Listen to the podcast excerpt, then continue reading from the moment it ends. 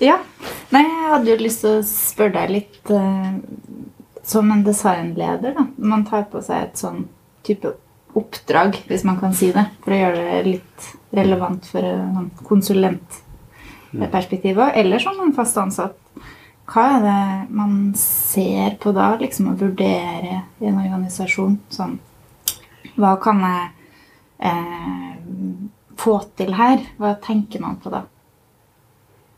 Um, ser du etter? Ja, det ble litt dårlig. det, det, det fine med et åpent svar er, nei, åpent spørsmål er at det er mange svar. Nei, Jeg kan starte med å si at eh, jeg, jeg tiltrekkes jo av potensialet. Alltid. I alle jobber jeg gjør, egentlig. Det, hvis det kommer til noe som er ferdig tid, så er det jo øh, Hva skal jeg gjøre der? Eh, Det må gjerne være øh, et landskap som det er mulig å studere og finne ut av hvordan man skal bevege seg i. Eh, og sånn opplever jeg jo at det å begynne eh, med et, et, eh, et større prosjekt, da, hvor det er mange bevegelige biter, så handler det om å ta seg god tid da, og forstå, forstå hvordan det henger sammen. Ehm, jeg har alltid sagt at det tar, det tar Når du begynner i en ny jobb, hvis ikke du er i er en konsulentsammenheng, men hvis du begynner et sted og jobber, så tar det tar et halvt år å skjønne de nærmeste tingene. Og det er folka dine og de prosjektene du holder på med. Og så tar det et eh, halvt år til å forstå hvordan resten av organisasjonen henger sammen og fungerer, og hva de eh, Det som kanskje ikke står i skrevet med tydelige bokstaver, er. Og den tiden tror jeg er viktig da, for å eh, eh, legge en plan og prioritere. Så, så, men jeg vet ikke, altså Jeg tror ikke det er et svar på det. Jeg tror det er mange svar. Ja. Men fordi mm, Jeg leste jo litt eh, om deg, for jeg googla deg jo siden jeg skulle snakke med deg. Da eh, beskrev du det med å være en intuitiv leder. da. Så det, det virker veldig som du bruker mye intuisjon. For det gjør jo en designer i jobben sin òg. Men gjør du det som leder òg? Ja, jeg, jeg, jeg gjør nok det. Og så er det en fordel og en ulempe. Fordi man blir veldig responsiv på, på, på et landskap som er i endring, eller har forskjellige behov eller kontekster som endrer seg. Eh, og så er jo kanskje noe av utfordringen med det er å holde en eller annen stø kurs. da, Og være i stand til å si at det er, det er dit vi skal, og så holde den kursen. Så, så det, eh, hvis man er klar over det, så greier man å jobbe med det. Men eh, i bunn og grunn så tror jeg at det der å ha ha en evne til å se og lese et landskap, og så eh, finne noen potensielle veier derfra. Eh, og så være inkluderende i hvordan man jobber med det. Det er et godt utgangspunkt. Eh, da får man ofte dekket ganske mye. Eh, men eh, det er et fellesprosjekt veldig ofte for intuitive ledere å finne ut hvordan man skal bevege seg. Fordi man kan ikke alltid eh, si det er dit, eh, sånn helt uten videre på egen hånd. da. Har du et slags sånn indre kompass som du vet hvordan ser ut? som du har lyst til å fortelle oss litt om? Eh, så det fins Ikke mange hjertet, altså, men sånn. Ja. Ja, nei, altså Det fins jo mange ledermodeller, da, eller filosofier for hvordan være leder. Og en ting jeg er tiltrukket til, ja, tiltrukket til, er jo denne servant leadership-modellen, hvor det handler om at du er veldig til stede for de folka eh, som du er leder for. Eh, og det betyr jo at eh, eh, de skal ha en frihet og en autonomi til å kunne gjøre sitt arbeid, og de må ha det de trenger for å gjøre det. Og da blir min jobb i stor grad å, å prøve å finne ut av hvordan vi skal tilrettelegge for det. Eh, tilbake til det der med at landskap og intuisjon og alt det der, så, så kreves det da retning.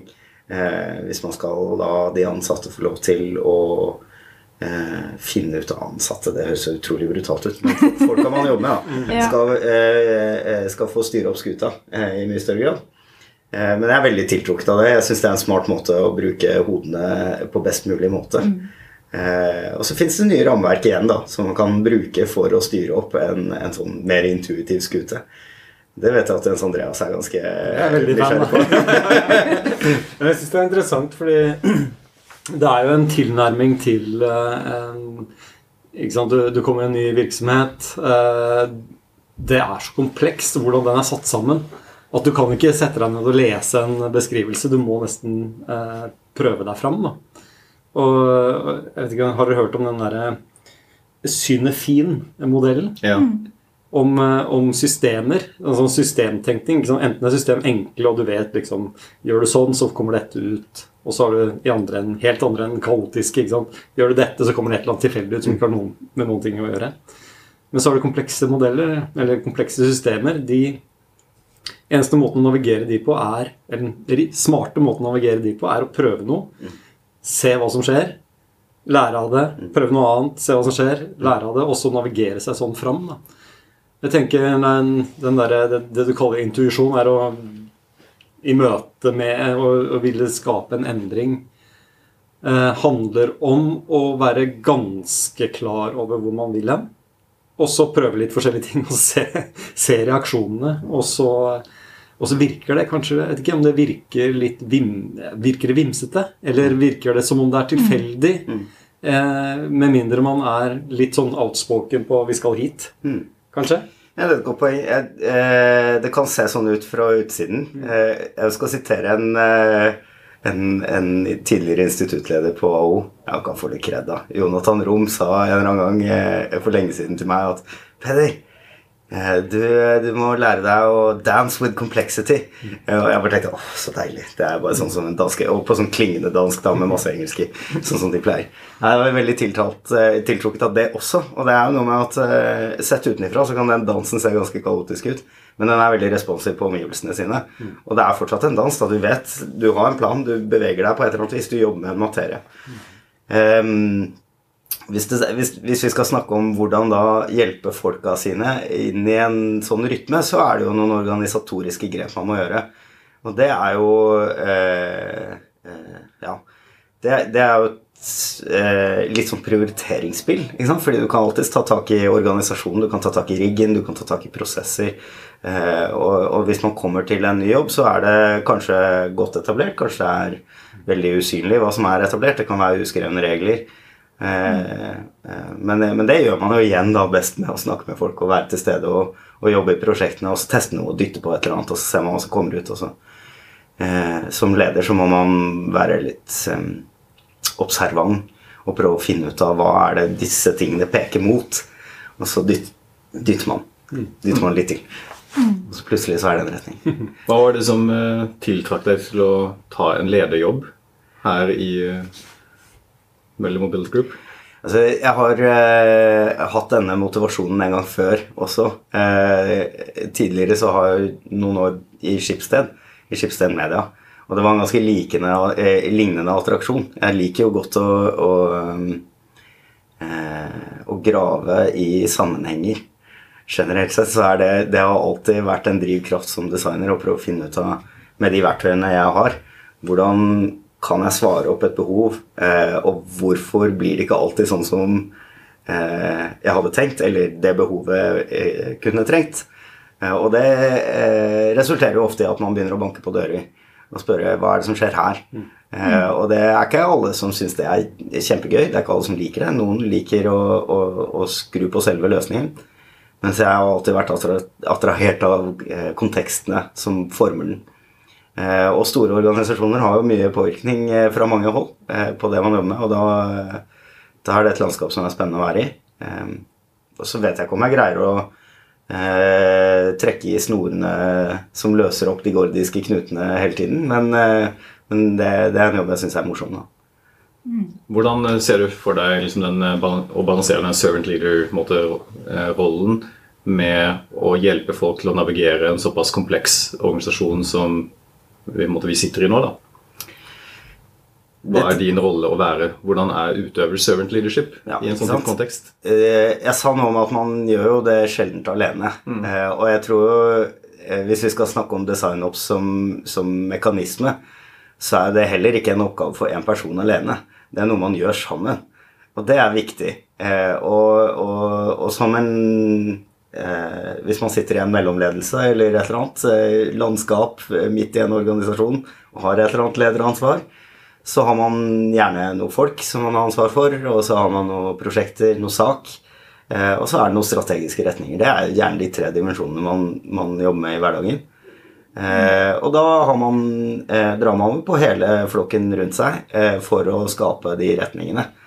Men man har et ansvar for å syntetisere de. Man må jo konkretisere det på et eller annet vis da, for, for den, eh, det området man selv er ansvarlig for. Og så må det aligne med de andre fagfeltene rundt seg. Og, og, og, sånn sett så står man igjen ikke alene. Så altså design og forretning, teknologi og, forretning, eh, teknologi og design, forretning og teknologi, alle disse Det spiller jo sammen. Det er jo eh, Det er mange som tegnet opp den hellige treenigheten med Prodtech og design eh, og sagt at det beste beslutningsgrunnlaget det er mellom der. Eh, og jeg mener jo for så vidt at det, er, det, det, står fortsatt godt, det. da. Eh, og da, da, står man ikke alene. Mm. Det er faktisk en sånn designprofessor jeg tror det var Aarhus som hadde sånn eh, grafisk fremstilling av constraints og kreativitet. Så er det en sånn graf da, der du får på en måte passe mengde constraints. Mm. Så liksom sweet spot for kreativitet. Mm. Eh, hvis man klarer å se for seg den. Men jeg lurte litt på også hva Når du blir en leder da, for design i en bedrift, hva er det du gir avkall på? Mm. Og ja, hva tenker du om det? Nei, altså Det er det, det største spøkelset for, eh, for, designere er jo at både er de empater eh, ofte, så de syns det er vanskelig å slippe den mellommenneskelige dimensjonen av jobben sin så tar, man, tar man den kanskje med seg inn i lederrollen. Men, men, eh, men, det er fort gjort å bli operativ da, hvis man ikke passer seg.